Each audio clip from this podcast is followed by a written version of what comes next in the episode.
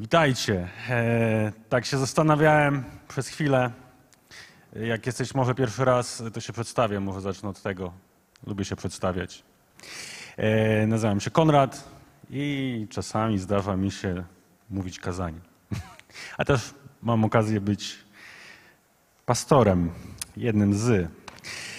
A chciałem, tak stał, sobie stałem tam na, e, na dole i tak się zastanawiałem, czy zacząć od tego i zrobić to części z was. Bo zakładam, że część z nas nie lubi czegoś takiego jak zaczyna się nowy rok i trzeba zrobić jakiś może, nie wiem, jakieś decyzje podjąć, jakoś, nie wiem, podjąć jakieś plany, bla, bla, bla. Niektórzy tego po prostu nie lubią e, i nie lubią tego gadania o tym, zdaję sobie z tego sprawę ale dla wielu z nas jest to potrzebne. Wiecie, bo sobie pomyślałem i dlatego jakby ta myśl nie, nie daje mi spokoju, bo chciałbym, e, żeby w twojej głowie teraz nastąpiła taka pozytywna incepcja. Jak nie wiesz, co to znaczy incepcja, to możesz sobie wygooglać. W każdym razie, kiedy pojawiają się jakieś nowe rzeczy w naszym życiu, coś nowego się ma zadziać, to zazwyczaj kiedy sobie o tym tak stałem i myślałem, i myślę, że to jest od Pana Boga, to, to mamy jakąś nadzieję. To temu, co nowe, towarzyszy jakaś nadzieja. Nadzieja, że no, nadzieja z definicji niesie ze sobą ten pozytywny ładunek, że będzie dobrze. Że koniec końców będzie dobrze. I kiedy zaczyna się coś nowego, to zazwyczaj mamy w tym momencie dużo nadziei odnośnie tego. I tak sobie myślę, że czasami jak mamy, jest początek roku, to mamy dużo nadziei, dużo pomysłów i dużo planów, dużo dobrych myśli, choć wiemy, że będą wyzwania i będą pewne rzeczy. I później jak, wiecie, leci kolejny rok, to myślimy sobie, ojej, to te wyzwania i to wszystko gdzieś sprawia, że ta nadzieja, mamy wrażenie, że ulatuje. Ale tak sobie myślę i to jest może myśl dla ciebie u progu tego nowego roku, byś zrobił wszystko, Musi trzymać nadziei. Się trzymać nadziei, że koniec końców będzie dobrze. Będzie dobrze. I tak e, z, z, zacząłem, może to było dla Ciebie ważne, żeby coś takiego usłyszeć. Ja na przykład dopiero jutro ogarniam plany na 2022. Przyznam się, nie miałem kiedy usiąść, ale stwierdziłem, że muszę znaleźć sobie taki moment i sobie ten rok w głowie jakoś poukładać, zaplanować co chciałbym, by się wydarzyło, o czym marzę, o czym myślę, w stosunku do czego pokładam nadzieję. I pozwólcie, że zanim e, zaczniemy słuchać nowego cyklu kazań, naprawdę będzie fascynujący, e, to pomodlimy się. To też ty i ja teraz właśnie, bo może nie miałeś takiego, nie miałeś takiego momentu. Zakładam, że wielu z was nie miało. Żeby oddać ten rok temu, kto wie lepiej, jak to się wszystko potoczy i żeby powiedzieć, Boże mój, ufam Tobie, wierzę Tobie, w Tobie pokładam mą nadzieję u progu tego nowego roku. Ok? Może wcześniej się nie modliliście, więc to jest dobry moment, żeby to zrobić. I Panie Jezu, dziękujemy Ci, że Ty jesteś tym, który jest nadzieją, wiarą i miłością. I dziękujemy Ci, że jesteś początkiem i dziękujemy Ci, że jesteś końcem. I dzisiaj wyznajemy a, że mamy dużo w sobie dobrych myśli i mamy nadzieję, bo mamy też Ciebie, mamy życie. I modlimy się, ja dzisiaj się modlę każdego z nas, żeby mocno w naszym sercu było gdzieś wypalone, że cokolwiek będzie się działo, Ty jesteś z nami. I żebyśmy nie puścili tej nadziei. Duchu Święty, modlę się o to, żebyśmy mieli w głowie, że koniec końców Ty masz kontrolę i na końcu tego wszystkiego wszystko będzie dobrze. I modlę się teraz, żeby każde ciśnienie zostało, Panie, przed Tobą gdzieś złożone. Panie, wyznajemy, że nie musi nam się śpieszyć i możemy teraz popatrzeć na Ciebie. Dziękujemy Ci, że dajesz taką możliwość, by przyjść ze wszystkim do Ciebie, który sam powiedziałeś, oto wszystko nowym czynię. Czyń nowe rzeczy w tym roku w naszym życiu w życiu wielu z nas. Byśmy gdzieś za rok mogli opowiedzieć jakieś historie sobie nawzajem. Wytrzymaliśmy się. Amen. Amen. Słuchajcie, to było nieplanowane, zmarnowałem 5 minut swojego kazania, więc co zrobić?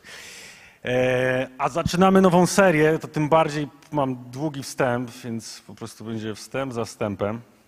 Zaczynamy nową serię, którą e, zatytułowaliśmy w bardzo taki, jej, w szeroki sposób. Zatytułowaliśmy ją Uniwersum. Mam nadzieję, że przez tych kilka następnych tygodni jakby złapiecie całą tą ideę, którą wierzymy, że Bóg gdzieś włożył w nasze serce. Słowo uniwersum generalnie robi dzisiaj furorę. E, przez ostatnich kilka lat jakoś tak jest, że gdzieś to słyszymy i ono staje się popularne. Ja próbowałem znaleźć jakąś sensowną definicję tego słowa, słowa uniwersum. W zasadzie nie znalazłem sensownej, więc sobie sam ją wymyśliłem. E, wymyśliłem taką, żeby była bardziej zawiła niż prosta. Może na Wikipedii mnie umieszczą. E, a mianowicie wymyśliłem sobie tak. Uniwersum jest to całość rzeczywistości składającej się na pewne zjawiska. Każde słowo tutaj dobierałem w głowie bardzo świadomie. Bo e, czym jest tak zwane uniwersum? Może łatwiej nam będzie się odnieść do tego, co się dzieje w naszej kulturze, bo nasza kultura dzisiaj przesiąka takimi rzeczywistościami, które jako ludzie stwarzamy, w których lubimy umieszczać siebie samych, do których lubimy powracać, które śledzimy, które oglądamy, w których gdzieś e, w pewien sposób się próbujemy odnaleźć. To, co tworzy kultura, dużo mówi o mnie i o tobie. Niektórzy lubią e, ten cały świat Marvela, choć jest taki, no umówmy się szczerze, no, taki średnio ambitny, ale niech będzie, nie? I to jest moje uniwersum, po prostu wychodzi jakaś nowa część, nie wiem, co teraz jest planowane, już straciłem orientację, bo tego jest za dużo, ale generalnie lubimy ten świat. To jest to uniwersum, które śledzę, po prostu znam wszystkie te postacie, znam tę całą rzeczywistość. Niektórzy wolą z kolei DC. Ja pamiętam, jak byłem dzieciakiem, miałem wszystkie komiksy DC w Polsce, kiedyś po prostu szok śledziłem to uniwersum mocno. E, inni na przykład się cieszą albo nie cieszą, że nowy Matrix jest. Tak? Jak ktoś był, to się albo cieszy, albo nie cieszy, bo coś to buduje. To jest jakiś świat stworzony przez nas, przez nasze pragnienia, dążenia, też takie, wiecie, to wszystko wyraża jakieś tęsknoty ludzkiej duszy. Nie wiem, e, ja w ostatnim roku pierwszy raz w życiu wszedłem w uniwersum Wiedźmina i w zasadzie już z niego wychodzę, ostatnią książkę kończę. Nie, myślałem, że dotrwam do końca starego roku, ale nie udało mi się. I jakoś mnie to wciągnęło. Generalnie jest tak, że lubimy takie światy, takie stworzone rzeczywistości, w których gdzieś coś e, się dzieje, w których się odnajdujemy. I to jest nic nowego, bo jak sobie o tym trochę pomyślimy, to się okazuje, że taka rzeczywistość ponadnaturalna, czy jakaś, którą człowiek tworzy, to jest coś w nas, co wraca. Bo to jest to samo, co się działo, nie wiem, w starożytności. Tworzono mitologię, tworzono jakieś narracje, jakieś pomysły na to, gdzie można troszkę uciec od tej rzeczywistości tu i teraz. Lubimy takie fantastyczne światy i w, tym, w tych fantastycznych, właśnie próbowałem znaleźć, jak się od, y, odmienia słowo uniwersum na, ten, na liczbę mnogą, ale jakoś mi nie wychodzi w tych fantastycznych światach, uniwersach, o, może tak, e, zawsze jest jakaś taka główna narracja, gdzie jest, są jacyś ultra super bohaterzy, to zawsze tam jest, którzy walczą z jakąś formą ciemności. Na przykład często w ciemności w sobie samych. Niektórzy po prostu od razu mają w głowie Star Wars albo coś takiego gdzieś tam są wyznawcami jakiejś rzeczywistości. I w, każdej, w każdym uniwersum też jest tak, jak e, sobie o tym pomyślicie, jak śledzicie, że jest jakiś główny temat, że jest jakiś główny wątek, że jest jakaś główna narracja, gdzieś to wszystko zmierza, choć po prostu jest mnóstwo części, mnóstwo historii obok, mnóstwo postaci, mnóstwo jakichś szczegółów, mnóstwo tego wszystkiego jest, ale koniec końców jest jakaś główna historia. Jest jakiś wątek, który się przewija przez całą tą e, historię. Wiecie, przez najbliższych kilka tygodni będziemy starali się zobaczyć, jak wygląda uniwersum z punktu widzenia tego, który stworzył rzeczywistość, po której ty i ja się poruszamy. Bo tą rzeczywistość też, którą Bóg nazywa Bożym Królestwem, też w jakiś sposób ona hmm, jest wciąż tworzona. Ale też w tej rzeczywistości jest tak, że jest główny temat. W moim i Twoim życiu, rzeczywistości, którą ustanowił Bóg, w historii ludzkości, choć jest tak wiele wątków, choć jest tak wiele różnych postaci, takich jak Ty i ja, jest wiele różnych historii, jest wiele różnych pięknych tematów, jest wiele różnych rzeczy, to okazuje się, że z Bożej perspektywy Jego uniwersum ma główny temat. I przez najbliższych kilka tygodni będziemy się przyglądać temu głównemu tematowi. A ten główny temat dotyczy mojej i Twojej duszy. I miejsca, w którym moja i Twoja dusza ostatecznie wyląduje. Jeśli zastanawiasz się, o co chodzi w Twoim i moim życiu, to w moim i Twoim życiu chodzi o to samo dokładnie. Choć są różne historie poboczne, są różni bohaterowie, to z punktu widzenia Boga, w moim i Twoim życiu chodzi o to samo. To znaczy, gdzie ostatecznie wylądujemy z tym wszystkim? Gdzie wylądujesz Ty, gdzie wyląduję ja? I Bóg na różne sposoby, przez setki tysięcy lat, też zostawiając Biblię, starał się ludzkości powiedzieć, jaką to wszystko widzi. Jak wygląda ta główna historia. I kiedy czytamy Biblię, to czytamy mnóstwo historii, mnóstwo rzeczy, mnóstwo szczegółów. Często po prostu nie da się tego czasami pojąć umysłem. I, I tu jest jakaś mądrość, i tu jest jakaś prawda, i tu jest jakaś historia, i tu jest jakaś postać, i tu się coś dzieje, ale koniec końców jest główna historia, jest główna myśl przez która ciągnie się przez całą Biblię i Bóg na różne sposoby, nawet jak opowiada o drugoplanowych osobach i, i często dziwnych historiach i dziwnych obrazach i są różne odniesienia, to opowiada wciąż tą samą historię.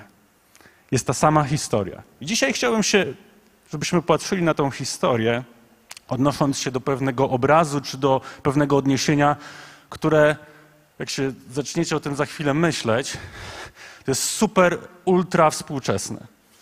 Bóg jest niesamowicie współczesny. On opowiada tą samą historię, dotykając rzeczy, które wciąż odzywają się w mojej i Twojej duszy, czy w społeczeństwie. Bo to okazuje się, że dzisiaj jednym z największych problemów ludzkości jako całości jest problem uchodźców.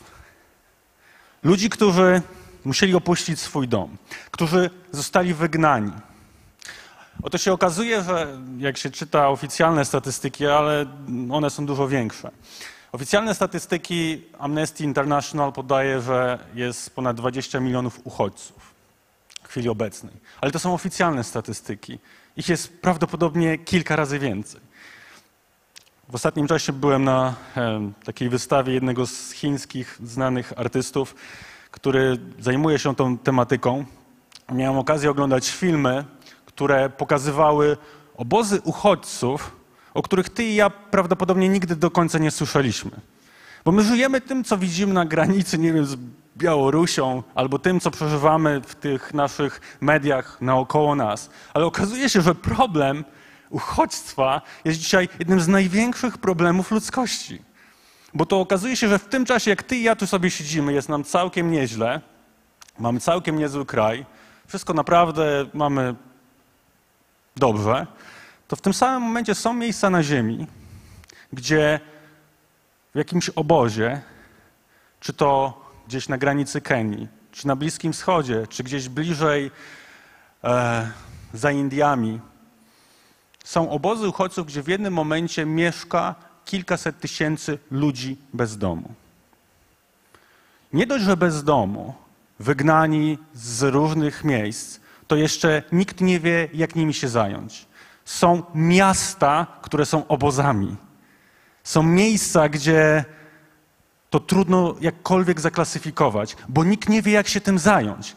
Bo my sami, jak o tym pomyślimy, to też nie wiemy, jak mamy o tym myśleć, co mamy z tym zrobić. Przeżywamy swoją małą historię tutaj na granicy, ale ta historia jest dużo większa, bo to się okazuje, że ten problem, który dzisiaj gdzieś tam się pojawia, on będzie się, czy nam się to podoba, czy nie. To nie, nie trzeba być prorokiem. Oto okazuje się, że ten problem będzie jeszcze większy. Będzie jeszcze więcej osób, które będą szukać nowego domu. Jeszcze więcej osób będzie szukać nowego miejsca życia. Bo zmiany klimatyczne, to, że ludzie szukają nowego miejsca, wynika między innymi z tego, że szukają nowego miejsca, gdzie w ogóle gdzie można coś jeść. Są miejsca na ziemi, które wysychają i trzeba uciekać. Są miejsca, gdzie coraz więcej jest fundamentalistów religijnych, trzeba uciekać. Są miejsca, gdzie jest coraz więcej jakichś rządów, które, którym nie odpowiada coś. I ten problem będzie coraz większy. I to, co my teraz słyszymy w mediach, to jest nic w stosunku do tego, co się będzie działo za kilkanaście lat. Jakby możesz się czuć z tym niekomfortowo i okej, okay, ale tak jest i tak będzie.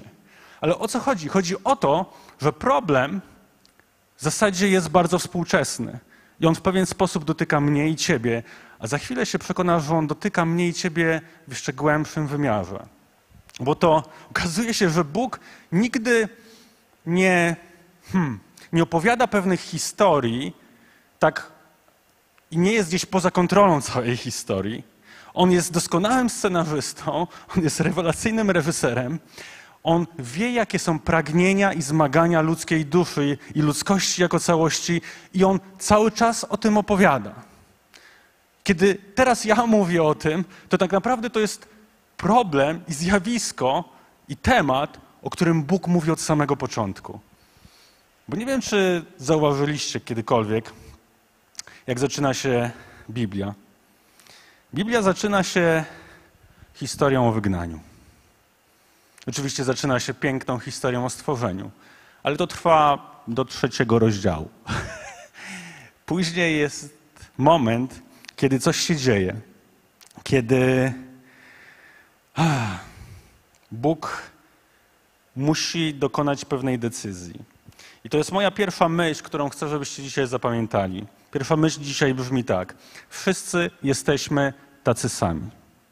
Bez względu na to, czy żyjemy dziś, tu i teraz, czy ludzkość żyła gdzieś daleko tysiące lat temu, gdzieś w różnych krańcach Ziemi. Wszyscy jesteśmy tacy sami. Mamy podobne zmaganie i podobną historię. Bo Księga Rodzaju, trzeci rozdział, zaczyna się historią o wygnaniu. Czytamy tak. Pan Bóg ubrał Adama i jego żonę w odzienie, które sporządził ze skór. Potem Pan Bóg powiedział, ponieważ człowiek stał się taki jak jeden z nas, zna dobro i zło, to aby teraz nie wyciągnął ręki nie zerwał owocu również z drzewa życia, aby nie zjadł i nie żył przez to na wieki. Dlatego Pan Bóg usunął człowieka z ogrodu Eden, aby uprawiał ziemię, z której został wzięty. Tak to właśnie go wygnał. A na wschód od ogrodu Eden ustawił cheruby z płomieniem wirującego miecza. Ich zadaniem było strzec drogi do, drzewo, do drzewa życia. Boże Uniwersum zaczyna się historią o wygnaniu. I pewnie jak czytałeś raz czy drugi, to się zastanawiasz, czemu Bóg to zrobił. No ale jak już czytałeś 15 razy, to być może już doszedłeś do przekonania, że Bóg tego nie zrobił, bo jest złym Bogiem. Bóg to zrobił, bo człowiek chciał być w miejscu, do którego nie został w tym momencie historii przeznaczony. Człowiek sam podjął decyzję, a Bóg, będąc konsekwentny w relacji z nami, wyciągnął konsekwencje. Bo Bóg powiedział: Słuchaj, hej, Adam, tego nie wolno. Na to nie jesteś gotowy. To nie jest rzecz, którą ja zaplanowałem. Ale Adam z Ewą, już tam nie będziemy kombinować, kto kogo namówił, stwierdzili, że wiedzą lepiej. I pojawia się ten problem, z którym ludzkość później zmaga się, i pokłosiem tego problemu jest to, że Bóg stwierdza, że człowiek już nie będzie przebywał w miejscu, do którego został wymyślony. I czytamy, że konsekwencja musiała być podjęta, bo Bóg Adama i Ewę czytamy wprost, wygnał. Tak naprawdę ludzkość sama siebie skazała. przez swoje decyzje. Nam się często wydaje, że to Bóg za pewnymi rzeczami stoi, ale jakbyśmy zrobili krok wstecz jeszcze, to by się okazało, że często moje decyzje, Twoje decyzje, nasze decyzje sprawiają, że Bóg musi być konsekwentny. Musi być. Bo on traktuje nas na serio. My możemy nie traktować swojego życia na serio, my możemy nie traktować Jego zasad na serio, ale Bóg jest niesamowity w tym, że traktuje nas na serio. I chce, żebyśmy rozumieli, że w życiu chodzi o coś więcej. I tak zaczyna się Boże Uniwersum, historia ludzkości. I w zasadzie, jak się czyta Księgę Rodzaju, czyli pierwszą księgę Biblii, to Księga Biblii, Księga Rodzaju jest cała historią o uchodźstwie. Jak sobie odtworzy w głowie historię Abrahama, któremu Bóg coś obiecał, że on posiądzie pewną ziemię. Kiedy pomyślisz sobie o jego synu Izaaku, o Jakubie, oni cały czas byli w miejscu, do którego jeszcze to nie było to miejsce. To nie był ten dom do końca. Oni cały czas byli gdzieś w podróży, byli gdzieś w uchodźstwie, byli gdzieś na wygnaniu. Oni cały czas czegoś oczekiwali, że wrócą, że będą w swoim domu. I to jest historia Biblii. I Księga Rodzaju też kończy się tym, że Izrael musi uciekać przed głodem. No bo czytamy o tym, że rodzina Jakuba przez Józefa, cała ta długa historia o braciach Józefa, oto rodzina Jakuba musi uciekać, czyli cały Izrael musi uciekać przed głodem do Egiptu. I tak się kończy pierwsza księga Biblii. Oni dalej są na wygnaniu, jeszcze dalej od domu. I druga księga, księga wyjścia, czasami ją czytamy, przerzucamy kartkę i myślimy, ojej, tutaj ten. Ale w, uniwersum Tolkiena to by się nazwało, że zaczęła się kolejna era. Bo księga wyjścia zaczyna się tak naprawdę 400 lat później. Oto Izrael jest prawie 400 lat w Egipcie, bez swojego domu, na wygnaniu, gdzieś daleko. I wcale nie jest łatwo być uchodźcą. Bo czytamy, że to, co oni tam doświadczają, nie jest zbyt piękne. Księga Wyjścia w pierwszym rozdziale mówi takie słowa. Po latach Józef umarł, czyli całe to pokolenie. Wymarli jego bracia, lecz synowie Izraela byli płodni mnożyli się. Stawiali się liczni i potężni, a kraj był ich pełen. W Egipcie objął też rządy nowy król. Nie znał on Józefa. Jakby skrócenie historii 400 lat. Stwierdził wobec swojego ludu: Izraelici przerośli nas liczbą i siłą. Postąpmy z nimi mądrze. Ukróćmy ich rozwój, bo gdyby wybuchła wojna, mogliby dołączyć do naszych wrogów i walczyć przeciw nam, a potem opuścić nasze granice. Oto po 400 latach życia na wygnaniu, w niewoli, w zasadzie, jest moment, kiedy Egipt faraon chce dościsnąć śrubę. To bardzo często się zdarza w wielu krajach, gdzie są mniejszości, kiedy mniejszość staje się większością. Są bardzo współczesne historie. I oto czytamy o tym, że nie będziemy całej tej historii opowiadać, ale chcę Wam jakby pokazać całą historię Bożego Uniwersum, że ona cały czas o tym samym opowiada. Bo to czytamy o tym, że Bóg lituje się nad Egiptem, nad Izraelem i w niesamowitych okolicznościach wyprowadza Izraela z Egiptu. I czytamy o tym, czytając całą Księgę Wyjścia, że oni w pewnym momencie, w zasadzie dopiero w piątej księdze, wchodzą do tak zwanej ziemi obiecanej. Ziemi obiecanej, czyli do swojego domu obietnicy, którą dostali od Boga jeszcze za Abrahama. Pomyślcie, to są setki lat. To się nie dzieje po prostu jak przerzucasz kolejną część na Netflixie. To są lata. Historia trwa. Życie biegnie. I oto super. Izrael ma swój dom. Wrócili z wygnania. Wrócili z bycia uchodźcami tak długo, jak być może żaden kraj w historii, żaden naród w historii. I oto wchodzą do ziemi obiecanej. I mniej więcej od piątej księgi Biblii aż do końca historii, to jest kilkaset lat, Do VI wieku przed naszą erą Izrael ma swoje miejsce na ziemi. Jakby wrócili. Ale co się dzieje? Dzieje się to, co się dzieje często w kolejnych erach w różnych uniwersach. Oto okazuje się, że Izrael wraca do rzeczy, z których wyszedł. Często się mówi, że oni wyszli z Egiptu, ale Egipt nie wyszedł z nich. Często tak z nami jest. I oto czytamy, że kilkaset lat posiadają swoje państwo, ale w pewnym momencie zaczynają odchodzić od Bożych standardów. Zaczynają wymyślać swoje pomysły na to, jak budować życie, jak budować rzeczywistość, jak to wszystko wygląda. Czytamy o tym, że wchodzi między nich jedna z najbardziej rozbijających rodziny i społeczeństwa rzeczy. Zaczynają się dzielić między sobą.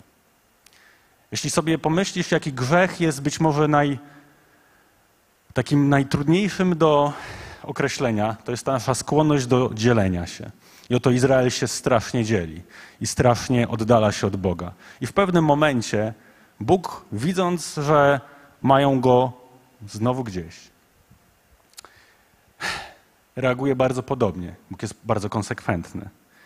Bo czytamy o tym, że mniej więcej w VI wieku przed naszą erą Izrael trafia do Babilonu na wygnanie. Cała historia jest opisana, ja tylko jeden fragment wam przeczytam. Zaraz zrozumiecie wszystko. W drugiej księdze Kronik w 36 rozdziale. Najeźdźcy spalili też świątynię Bożą.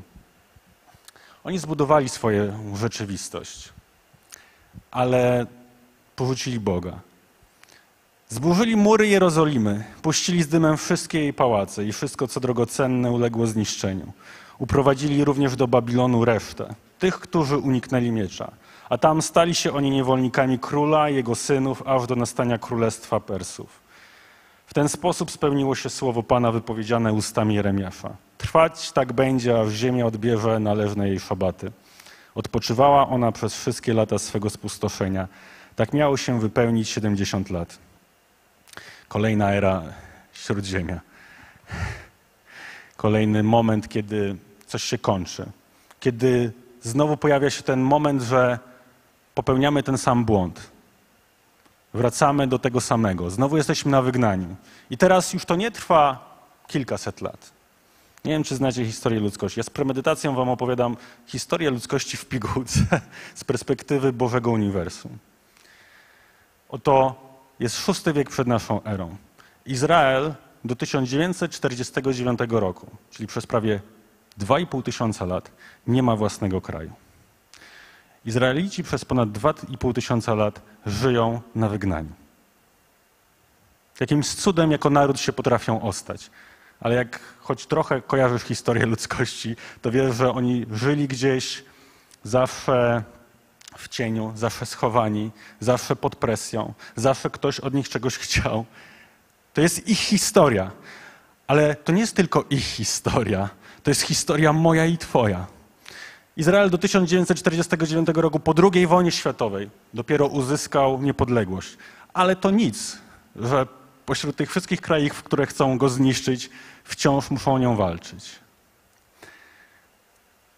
Historia wygnania jest historią, która przewija się tak często. Jeśli jakiś naród wie coś o byciu uchodźcami, to tym narodem na pewno jest Izrael. A z, a z Izraela pochodzi ten jeden, do którego zaraz przejdziemy. Jezus Chrystus. A drugi punkt brzmi tak. On, taki sam jak my.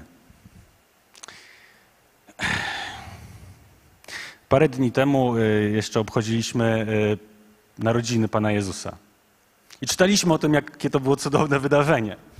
Ale znowu musimy to załapać. Dosłownie po tym, jak Pan Jezus się urodził, czytamy o tym, że stał się uchodźcą. Że stał się kimś, kto został wygnany, został zmuszony do opuszczenia swojego miejsca, swojego domu. Mateusz mówi tak w drugim rozdziale. Po ich odejściu anioł Pana ukazał się we śnie Józefowi i polecił: Wstań, weź dziecko oraz jego matkę i uciekaj do Egiptu. Tam czekaj na dalsze polecenia. Herod bowiem będzie poszukiwał dziecka, aby je zgładzić. Józef zatem wstał, spakował rzeczy dziecka oraz jego matki i pod osłoną nocy wyruszył do Egiptu. Przebywał tam aż do śmierci Heroda, aby się wypełniło to, co zapowiedział Pan przez proroka. Z Egiptu wezwałem swojego syna. Jeśli ktoś rozumie, co to znaczy być na wygnaniu, to tą osobą na pewno jest Jezus.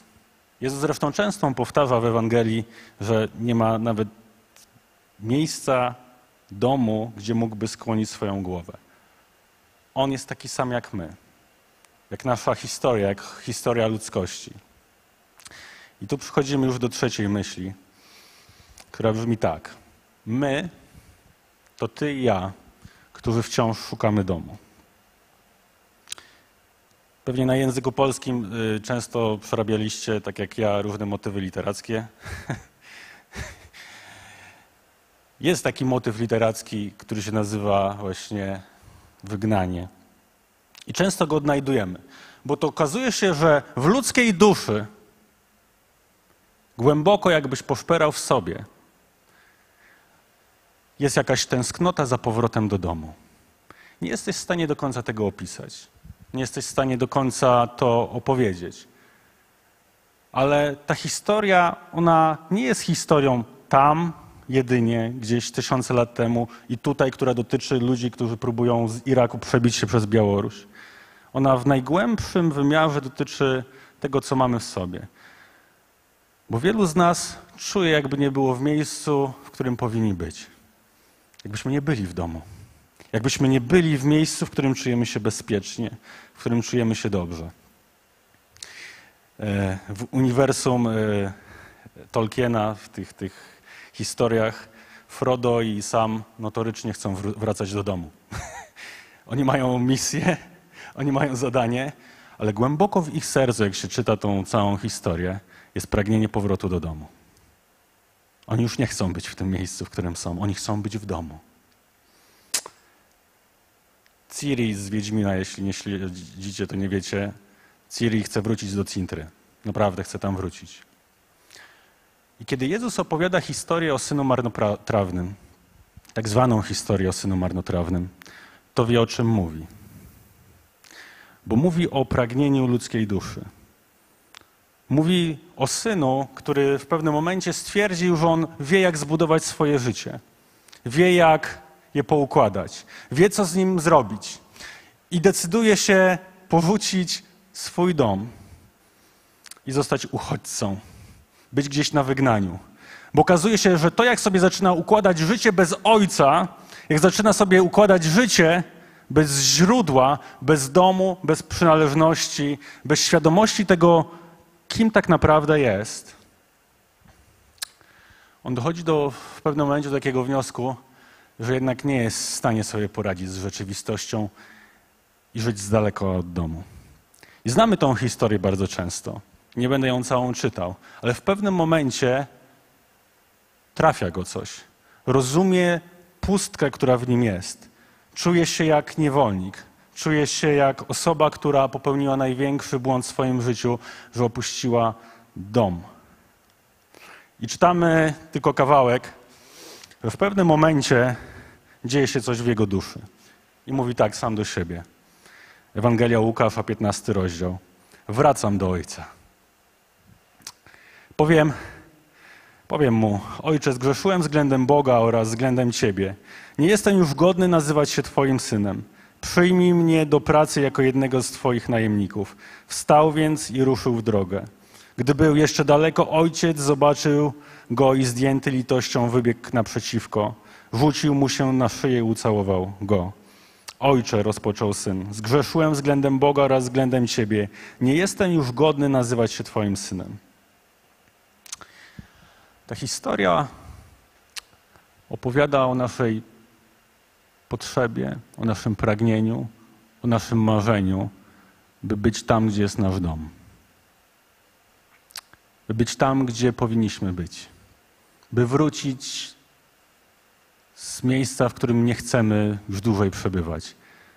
Bo czujemy się, jakbyśmy byli na wygnaniu. Jakbyśmy gdzieś w tym naszym świecie się totalnie pogubili i, i musimy wrócić.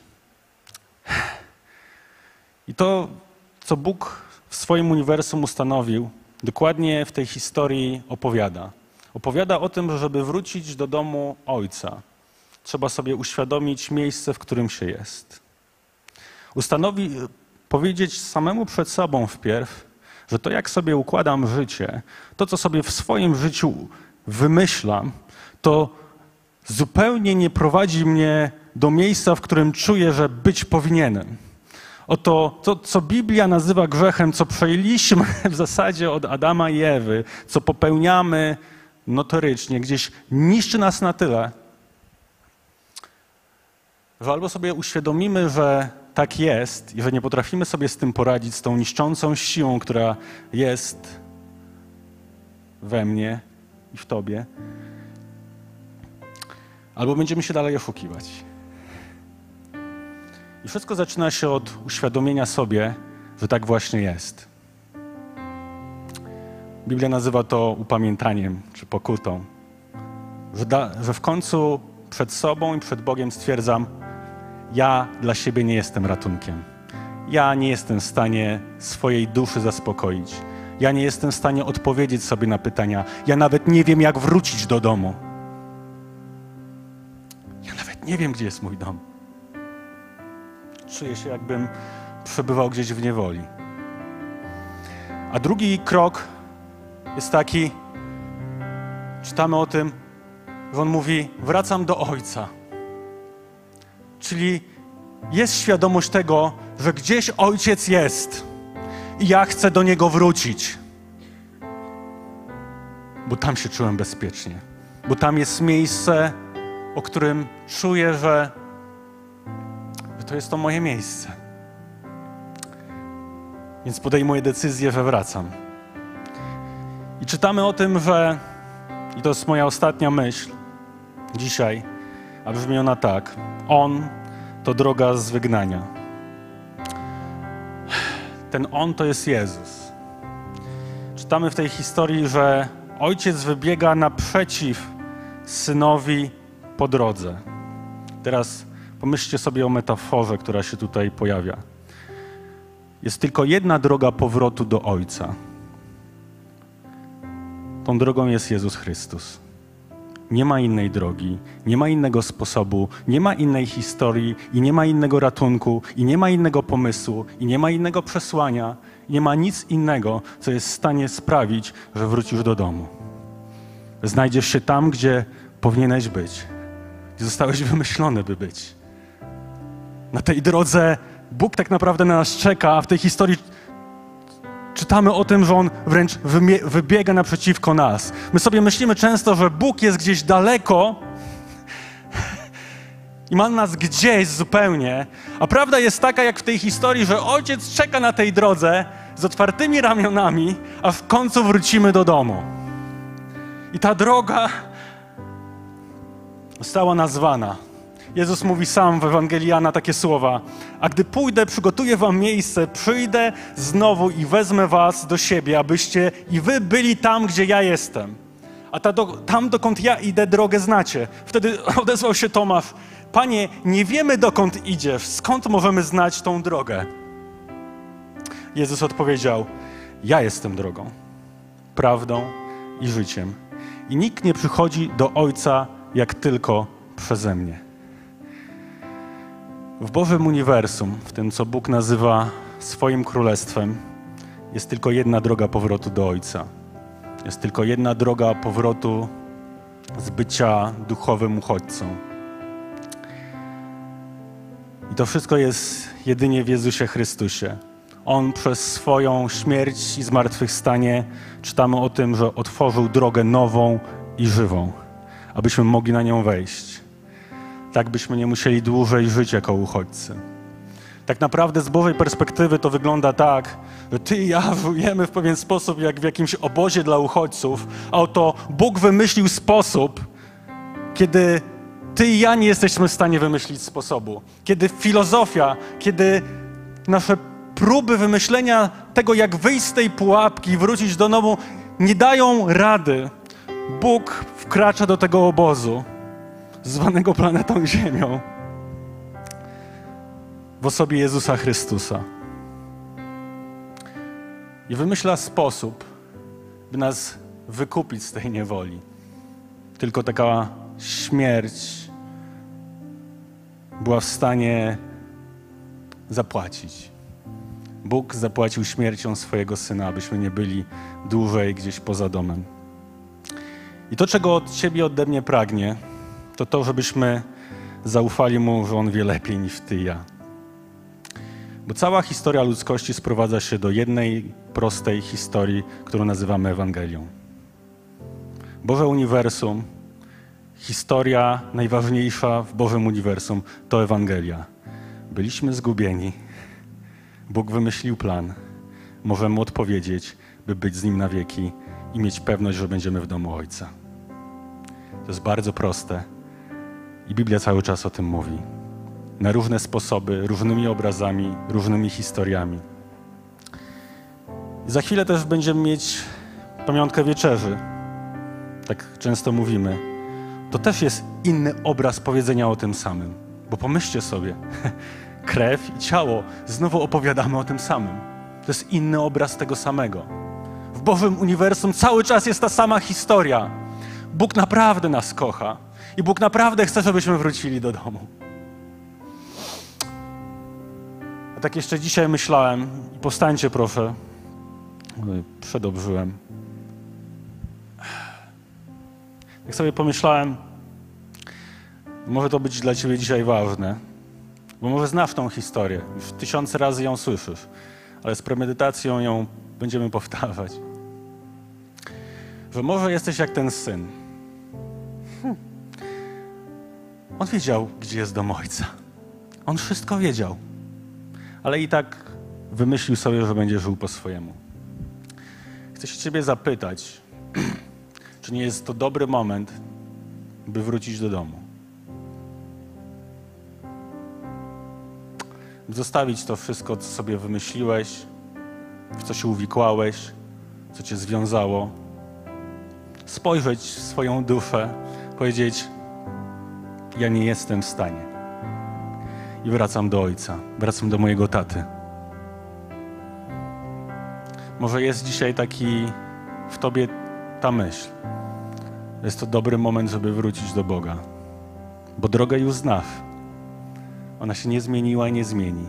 I historia ratunku Twojej duszy i mojej duszy zawsze będzie taka sama i zawsze będzie się nazywała Jezus Chrystus.